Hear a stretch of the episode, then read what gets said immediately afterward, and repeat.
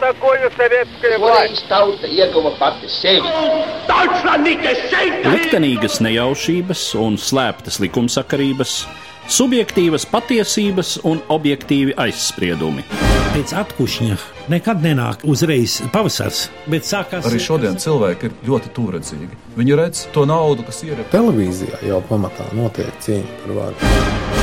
Pagātne no šodienas skatu punkta un šodienas caur pagātnes prizmu. Raidījumā šīs dienas acīm. Latvijas radio eterā Eduards Liniņš. Labdien, cienījamie klausītāji! Līdz ar Pirmā pasaules kara beigām 1918. gada novembrī Vācijas impērija piedzīvo revolūciju, un šie notikumi, kas turpinās vairākus mēnešus, radikāli maina ne tikai tālāko Vācijas valsts attīstības gaitu, bet nozīmīgi ietekmē arī tās teritorijas Eiropas austrumos, kuras tobrīd atrodas Vācijas militārajā kontrolē, taiskaitā arī Latviju. Par to šodienas saruna mans sarunbiedrs studijā vēsturnieks Edgars Engīzers. Labdien! Labdien!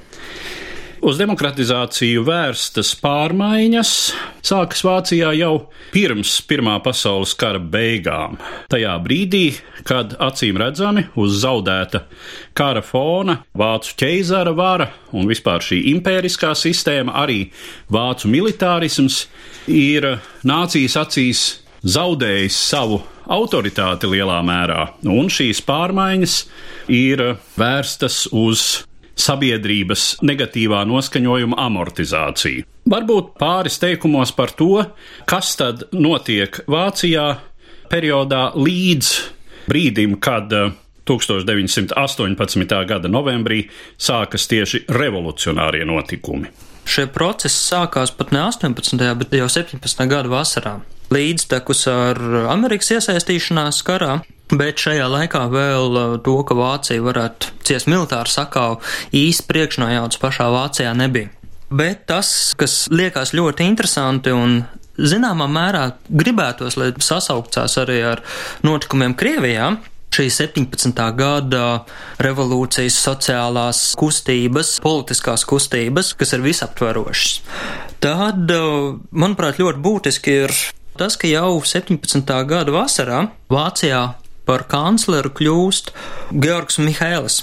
Viņš ir pirmais Vācijas kanclers pēc ļoti ilgstoša perioda, kad bija stabila valdība. Iepriekšējais kanclers valdīja no 9. gada jau, Un tieši ar Mihēlis sākās periods, kad Vācijas valdības vadītāji savā amatā ir ļoti īsu brīdi. Tas ir politiski dinamisks laikmets, un nu, gal galā viņš ir arī pirmais kanclers, kurš nav karaliskās ģimenes loceklis. Viņš gan nav arī partijām piedarīgais, varētu teikt, tāds uh, biznesa aprindās, ļoti labi zināms cilvēks, un uh, šis kļūst par tādu pārmaiņu posmu sākumu Vācijas politikā, kad pie varas nonāk politiķi, nevis aristokrāti. Un uh, arī nākamais pēc Mihēlisa, Georgs von Hetliks, viņš nav pilsonisko aprinu, viņš ir nobilitātes pārstāvs. No 14. gada iegūs grāfa titulu, bet viņš ir pirmais politisko partiju pārstāvs, kurš ir nonācis Vācijas valdībā. Tajā laikā to vēl tā īsti nevarēja redzēt, bet šis pārmaiņu laiks, nestabilitāte, ko Pirmā pasaules kara notikumi nesa Vācijai, palaida tos procesus kas noved vēlāk arī pie revolūcijas. Mihēls pavadīja postenī dažus mēnešus, no 17. gada jūlija līdz novembrim. Hetliks pavadīja postenī gadu, un faktiski von Hetliga laiks ir tas laiks, kad notiek lūzums frontē. Un no 17. gada novembra līdz 18. gada septembrim, un tieši 18. gada vasara ir ārkārtīgi svarīgi no militārā viedokļa, kad Vācija pēc Bresļitovskas pamiera pārsviežot savus austrumu divīzijas uz rietumu fronti, tomēr nespēja laust kara gaitu, un uz vasaras beigām 18. gadā jau ir iztērējis visas savas rezerves. Līdz ar to ar 18. gada septembri sākās ļoti dinamisks pāruns ar Antānas valstīm par pamieru noteikumiem. Jau no 18. gada janvāra ir Woodrow Wilsona 14 tēzes nolikts uz galda, par kurām ir sarunas. Un šajā laikā arī sākās runas par imperatora atteikšanos no troņa. Šis pārmaiņu posms ir tas, ko cilvēki, kas skatās uz Latvijas vēsturi un arī uz Eiropas vēsturi caur Latvijas prizmu, bieži vien nedaudz nenovērtē. Vācija mūsu vēsturiskajā apziņā ienāk ar Bādens maksi 18. gada pašā nogalē. Īsti pirms revolūcijas. Bādens Maksis, lai arī ir karaliskās ģimenes loceklis, viņš ir liberāls politiķis, viņš ļoti balstās sociāldemokrātu atbalstā, kas ir visbūtiskākais arī priekš Latvijas, ja mēs runājam par 18. gadu laiku, bet jau pirms tam ir šis dinamiskais pārmaiņu laiks, nestabilitātes laiks. Scenārijs, kad revolucionāru pārmaiņu notikumi iznīcina monarhiju, Tātad imperators atsakās no troņa. Tas ir scenārijs, kuru iepriekšējā gadā, tātad 1917. gadā, varēja vērot Krievijā. Kā tā laika Vācu ķēzara valsts, tā tā laika Krievija, tās abas ir monarhijas ar izteiktu monarha varas dominanti, vai mēs varam Vācijas un Krievijas gadījumā saskatīt kādas būtiskas atšķirības, kas pēc tam vēlāk ietekmēs tālāko notikumu gaitu. Tā būtiskākā atšķirība droši vien ir jāsaka, zināmā mērā arī veiksmes faktors tiem spēlētājiem, kas politikā tajā laikā piedalījās, un arī personīgo kapacitāšu faktors. Jo Krievijā mēs redzam, ka 17. gada griezumā izveidojās divvaldības režīms, pie varas nāca demokrātiska valdība, monarhistiska demokrātiska valdība, bet uh, Krievijā šī nošķirtība starp pilsonisko sabiedrību un starp proletariātu, es teiktu, ka varētu būt dziļāka. Un iespējams, ka tas ir tas galvenais faktors, kāpēc Krievijā pilsoniskajām aprindām neizdevās nostiprināt varu, un es negribu teikt, ka bolševiki uzvarēja. Drīzāk tieši pilsoniskās aprindas zaudēja šo 17. gada savstarpējo cīniņu. Savukārt Vācijā kur tieši tāpat kā Krievijā partijas veidojās 20. gadsimta sākumā un veidojās šī modernā pilsoniskā sabiedrība, viņas bija nostiprinājušās spēcīgāk, Viņām bija dziļāks saiknes ar valdības aprindām, tā skaitā arī ar ķēzariskajām aprindām, un uh, viņām izdevās lielā mērā pateicoties politiķu briedumam, politiķu personībai, uzveikt šo bolševistisko revolūciju, bolševistisko apdraudējumu, kurš abās valstīs bija ļoti, ļoti līdzīgs.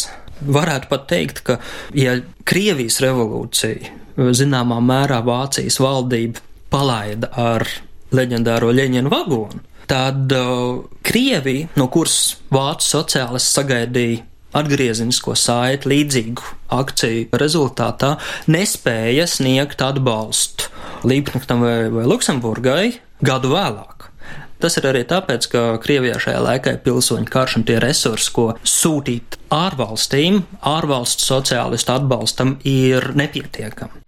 Tajā pašā laikā jāsaka, ka Vācijā arī sabiedrība ir savādāka, un šis Pirmā pasaules kara zaudējuma faktors kas atbrīvoja ļoti lielu bijušo karavīru masu. Tā skaitā pat 18. gada rudenī šis noformētais priekšstats par duņu dūrienu mugurā, kurš, mēs zinām, bija aplams, bet viņš bija ārkārtīgi nozīmīgs šajā laikā, radīja arī ļoti plašu militarizētu brīvkorpusu kustību, kas bija lielā mērā tā, ar kuru rokām tad arī šī socialistiskā revolūcija, gan janvāra spartakistu dumps, gan marta dumps tika likvidēti. Zināmā mērā var teikt, ka ir militārs faktors, kurš uzvarēja ielu kaujās, bet uh, tas būtu par daudz pārspīlēt teikt, ka tas bija galvenais. Galvenais, es teiktu, bija šīs atšķirības cilvēku resursos. Eberts, kā sociāldemokrātu līderis un spēcīga sociāldemokrātiskā partija Vācijā, no kuras bija atkarīga arī tāpat Bādens Makšu valdība, bija tas balsts, kas kā sociālisti, kā kreisās politikas strādnieka aizstāvi saprata, ka revolūcija visai Vācijai nav izdevīga, un pats Eberts šajā laikā uzņēmās revolucionārās kustības vadību, domājot par sociāldemokrātu kustību un republikas proklamēšanu, lai novērstu plašāks sabiedrības nemieris, kas jau tad bija sākušies, un Krievijas piemērs, protams, bija ļoti redzams scenārijs, no kā Vācijas politiķi, tā skaitā arī kreisie, centās izvairīties cik var spriest no šiem notikumiem Vācijas sociāldemokrātija, kura, protams, šo revolucionāro notikumu rezultātā kļūst par ietekmīgāko politisko spēku valstī, ir daudz lielākā mērā integrēta arī ar to veco politisko sistēmu. Un atšķirībā no Krievijas, tieši sociāldemokrātijas nostājas dēļ tās pašas strādnieku un zaldātu padomas, kuras tāpat Vācijā izveidojas, nekļūst par radikāļu platformu. Tās neboļševizējas tādā mērā kā Krievijā, un vācu sociāldemokrāti pārņem augstāko valsts varu, izveido pagaidu valdību, visa valsts mašinērija turpina darboties pēc vecās labās kārtības. Un kaut kur šiem Vācijas revolūcijas notikumiem fonā tomēr paliek tas, ko mēs tādā populārā līmenī saistām ar šo kārtībai, ir jābūt. Droši vien arī tas, ka nav šo pret jebkādu politiku diezgan inerto milzīgo zemnieku masu, kādas ir Krievijā. Nav šī revolūcijas stihiskuma, ir mazāk haosa. Kur ir nepārprotama līdzība ar Krieviju, tas ir, protams, šo notikumu katalizators. Tāpat kā mēs zinām, ka 17. gadā Petrogradā lielā mērā par revolūcijas degmateriālu kļūst tur ļoti lielā skaitā savestais karaspēks, kurš vienkārši negrib doties bezcerīgā karā uz fronti un tāpēc iesaistās nemieros. Tad Vācijas gadījumā tas konkrētais katalizators ir kara flote, kuru mēģina izdzīt bezcerīgā pēdējā demonstratīvā uzbrukumā Britu kara flotei, un šie jūrnieki sadumpojas. Pirmais notikumu uzliesmojums ir kara flotes bāzē Ķīlē, un tad jau tālāk šie revolucionarizējušies matroži sāk doties pa visu Vāciju, un šī revolūcija ātri pārsviežas uz daudzām citām vietām, tā skaitā uz galvaspilsētu. Un tur tā atrod atsaucīgu publiku, tais pašos strādniekos, kuru stāvoklis arī kara situācijā ir pietiekami nomācošs. Sākas šī padomju veidošana, bet arī strādnieku un zaldātu padomēs. Vadībā paliek tie paši, ko mēs tradicionāli saucam par mērenajiem sociāldemokrātiem, tātad Vācijas sociāldemokrātiskā partija un neatkarīgā Vācijas sociāldemokrātiskā partija, kas ir atšķēlusies no šī sākotnējā sociāldemokrāta kodola, bet arī starp šiem diviem spēkiem plaisa ir noteikti daudz mazāka nekā starp Krievijas bolševikiem un menševikiem. Ārpus šiem diviem tad vēl paliek mazākas grupas, vai mazāk arī noformētas grupas, un tur tad nu gan rodas vide šai radikālajai vācu sociāldemokrātijai, spartakieši, tie vārdi, kurus mēs tradicionāli saistām ar šiem revolucionāriem notikumiem - Kārlis Līpknechts, Roza Luksemburga. Īsti jau nevar teikt, ka Vācijā šīs ielu demokrātijas prakses būtu kardināli atšķirīgas. Sevišķi, ja mēs runājam par notikumiem novembrī, 19. gada janvārī, Iespējams, ka Vācijā šie notikumi ir pat asāki nekā notikumi Petrogradā gadu iepriekš. Runājot tieši par uh, bruņotām sadursmēm, par uh, slepkavībām kā politikas instrumentu, Runājot par sabiedrību kopumā, viņas arī ir ārkārtīgi līdzīgas. Pirmā pasaules kara traumas un um, nežēlības, kas ir ienākušas Eiropā, viņas skārušas abas sabiedrības, nu, zināmā mērā, līdzvērtīgi.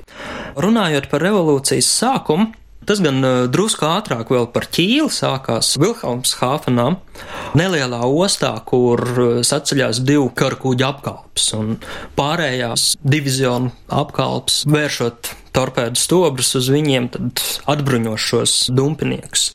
Pēc šīs sacelšanās sākotnējās Vācu kara flotas vadība pārsviež uz ķīli lielāko daļu no saviem kuģiem, gatavojot šo turpmāku uzbrukumu, un kopā ar šiem kuģiem arī šie sacēlušies matroži nonāk Ķilsa pilsētā, tur viņi tiek arestēti, rod domu biedrus, kas cenšas viņus izpestīt no šī apcietinājuma laukā. Zināmā mērā varētu pat vilkt paralēlis ar 17. gadu, varbūt pat ar 5. gadu Krievijā, kur galvenais palēdē mehānisms visiem sociālajiem procesiem ir viens neliels karavīru grupas rīcība, atklājot uguni uz demonstrantiem. Demonstranti tieši tāpatās kā Krievijā atklāja pretuguni.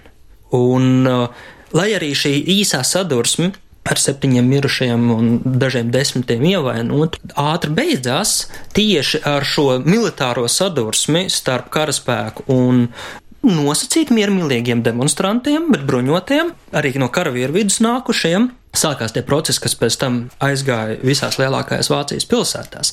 Bet es negribētu arī teikt, ka šī mīlestība pret kārtību bija visaptveroša visā Vācijas sabiedrībā. Jo mēs zinām, ka revolūcijas laikā izveidojās vairākas sociālistiskas republikas, tādas tautas republikas, mums pazīstamā slēngā runājot, kas tika apspiestas gan ar armijas, gan ar brīvprātīgajām vienībām.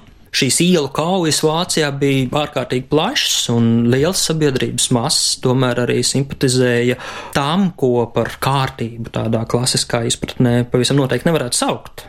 Cits jautājums, ka vācu politiķi bija daudz vairāk uh, fokusēti uz valstiskuma saglabāšanu un valsts saglabāšanu kā tādu pamatvērtību. Paši sociāldemokrāti nebija nemaz tik laimīgi, kad republika tika proklamēta, Tas nebija partijas saskaņots lēmums, tā bija atsevišķa politiķu uzdrīkstēšanās.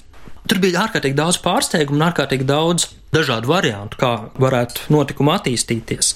Runājot par padomēm, Vācijas valdība panāca kontroli pār padomēm. No vienas puses, tā ir sociāldemokrāta partijas loma. Tas ir tas, ko 17. gadā sevišķi Rēnska valdība nespēja realizēt padomju bolševizācija un valdības pilsoniskošanās. Un tas ir tas jautājums, kas iespējams arī iespēlē mūs drusku Latvijas tematikā. Kreiso loma valdības veidošanā. Krievijā, kā mēs zinām, valdības veidošanu uzņēmās pilsoniskās aprindas, sociāldemokrāti sašķēlās dažādos novirzienos, lielākoties pretvalstiskos, Vācijā sociāldemokrāti arī sašķēlās, bet lielākā daļa no sociāldemokrātiem iesaistījās valdības veidošanas procesā. Iespējams, ka liktenīgā kļūda Spartakistiem bija nepiedalīties satversmes sapulces vēlēšanās, kaut gan tāpat Roza Luksemburga ļoti uzstājas to. Mēs redzam, ka viņi pilnībā zaudē lomu Vācijas iekšpolitikā kā politiska kustība. Un šeit arī ir paceļās jautājums par Latvijas procesu paralēlēm, Un, zināmā mērā, attiecības starp demokrātisko bloku, starp pagaidu Nacionālo padomi un izšķiršanās, vai sociāldemokrātiem būt valdībā vai nebūt valdībā, un apsvērumi lielākoties, kas arī balstījās Vācijas praksē un Vācijas pieredzē, jo šis 18. gada novembris kad Vācijā ir tikko svaigi izcepta sociālistu valdība, Eberta valdība, kas pastāvēja ļoti īsu laiku priekš Vācijas, bet ļoti zīmīgu laiku priekš Latvijas. No 18. gada novembra līdz 19. gadam, janvārim, kur šie procesi Latvijā iesakņojās. Mēs ļoti labi arī zinām Augusta Vinniga lomu Latvijas pagaidu valdības formēšanas procesā, kur šie vācu sociālisti met šo tiltu uz Latvijas ne tikai sociāldemokrātiem, sociāla revolucionāru partijas biedriem, tas, ka vācu okupācijas spēku un vācu karavīru padoms Rīgā, Liepājā atbalstīja Latvijas valdības darbību un republikas proklamēšanu. Un kas ir šie vācu zaldāti? Lielākoties tie ir ļoti kreisi, iespējams, ka pat daudz kreisāk nekā Vācijas sociāldemokrātu partijas vairākums noskaņot, un uh, viņu loma Latvijā tajā laikā īstenībā ir ārkārtīgi nozīmīga.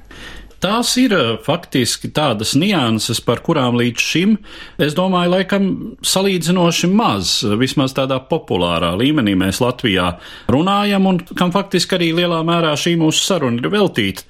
Vācu sociāldemokrāti bija lielā mērā tas dialoga partneris, un jāsaka, pirmajos Latvijas valsts pastāvēšanas mēnešos galvenais dialogu partneris tādā starptautiskā nozīmē, jo Britu kara flote ir klātesoša šeit, bet uh, kamēr viņi vispār saprot, kas šeit notiek, kamēr viņi ir gatavi kaut kā jēgpilni iesaistīties.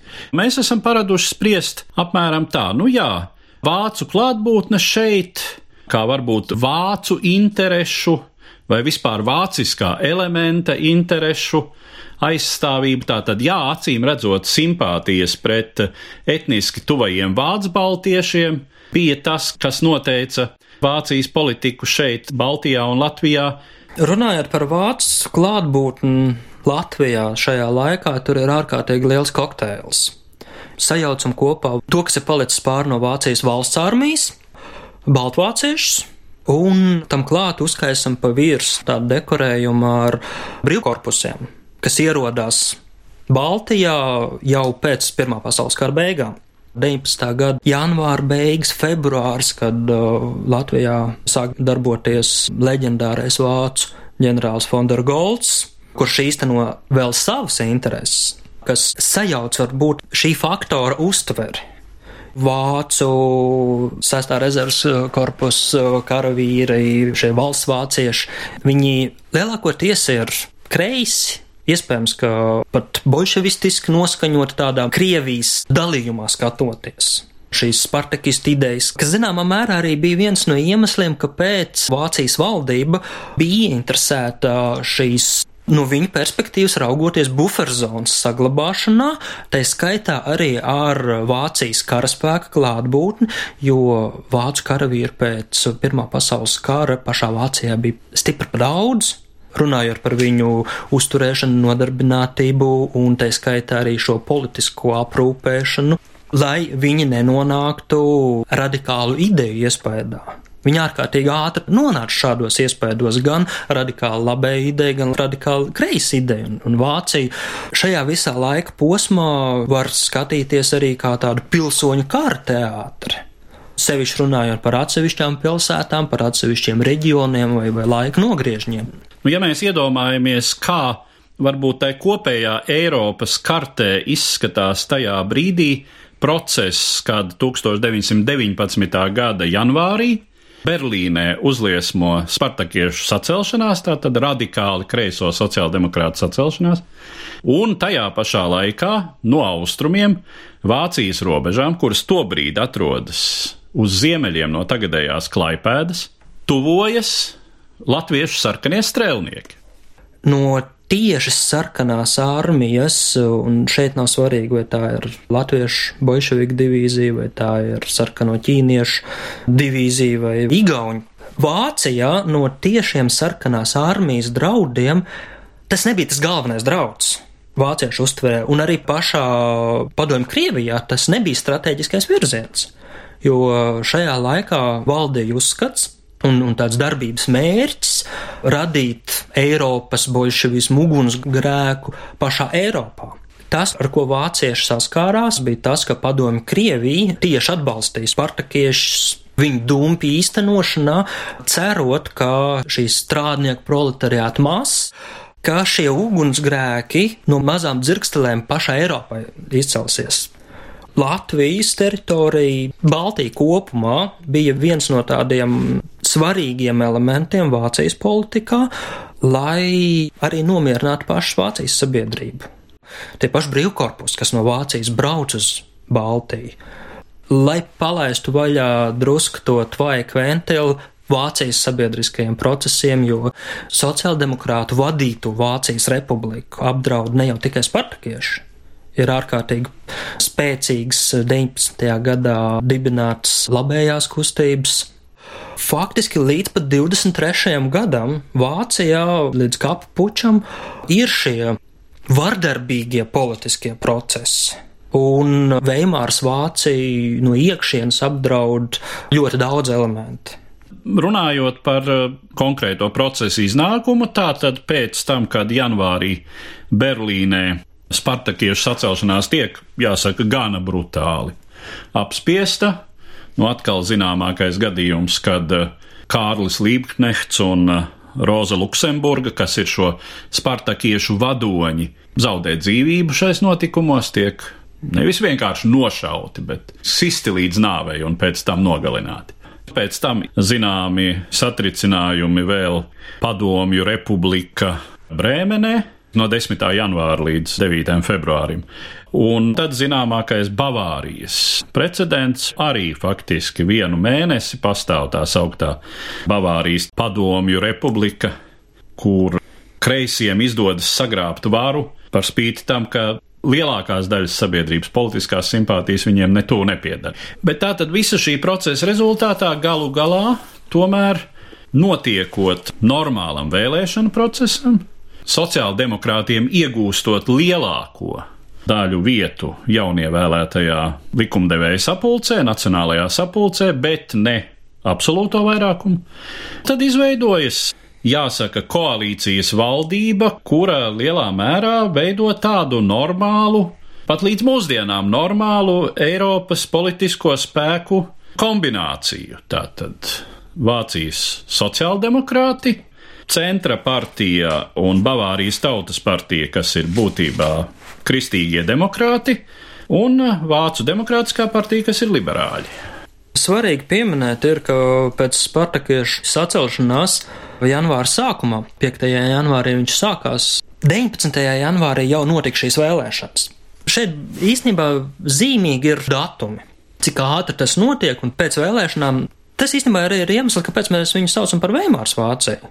Vācijas Nacionālā asamblējas atversmes sapulcs, lai izvairītos no šo dumpju, šo revolūcijas turpinājumu Berlīnē, savu darbību veids Veimārā 250 km tālāk no galvaspilsētas. Bet uh, runājot par laika posmu, līdz tam, sevišķi par novembri, manuprāt, svarīgi ir atzīmēt attiecības starp valdību un armiju.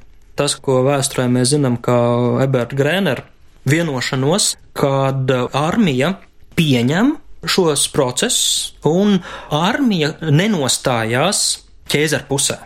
Tiek panākt vienošanās, kur valdība, sociāldemokrātiska, parlamentāra, tiek akceptēta, bet armija pieprasa, lai šī valdība nejaucās armijas iekšējās lietās.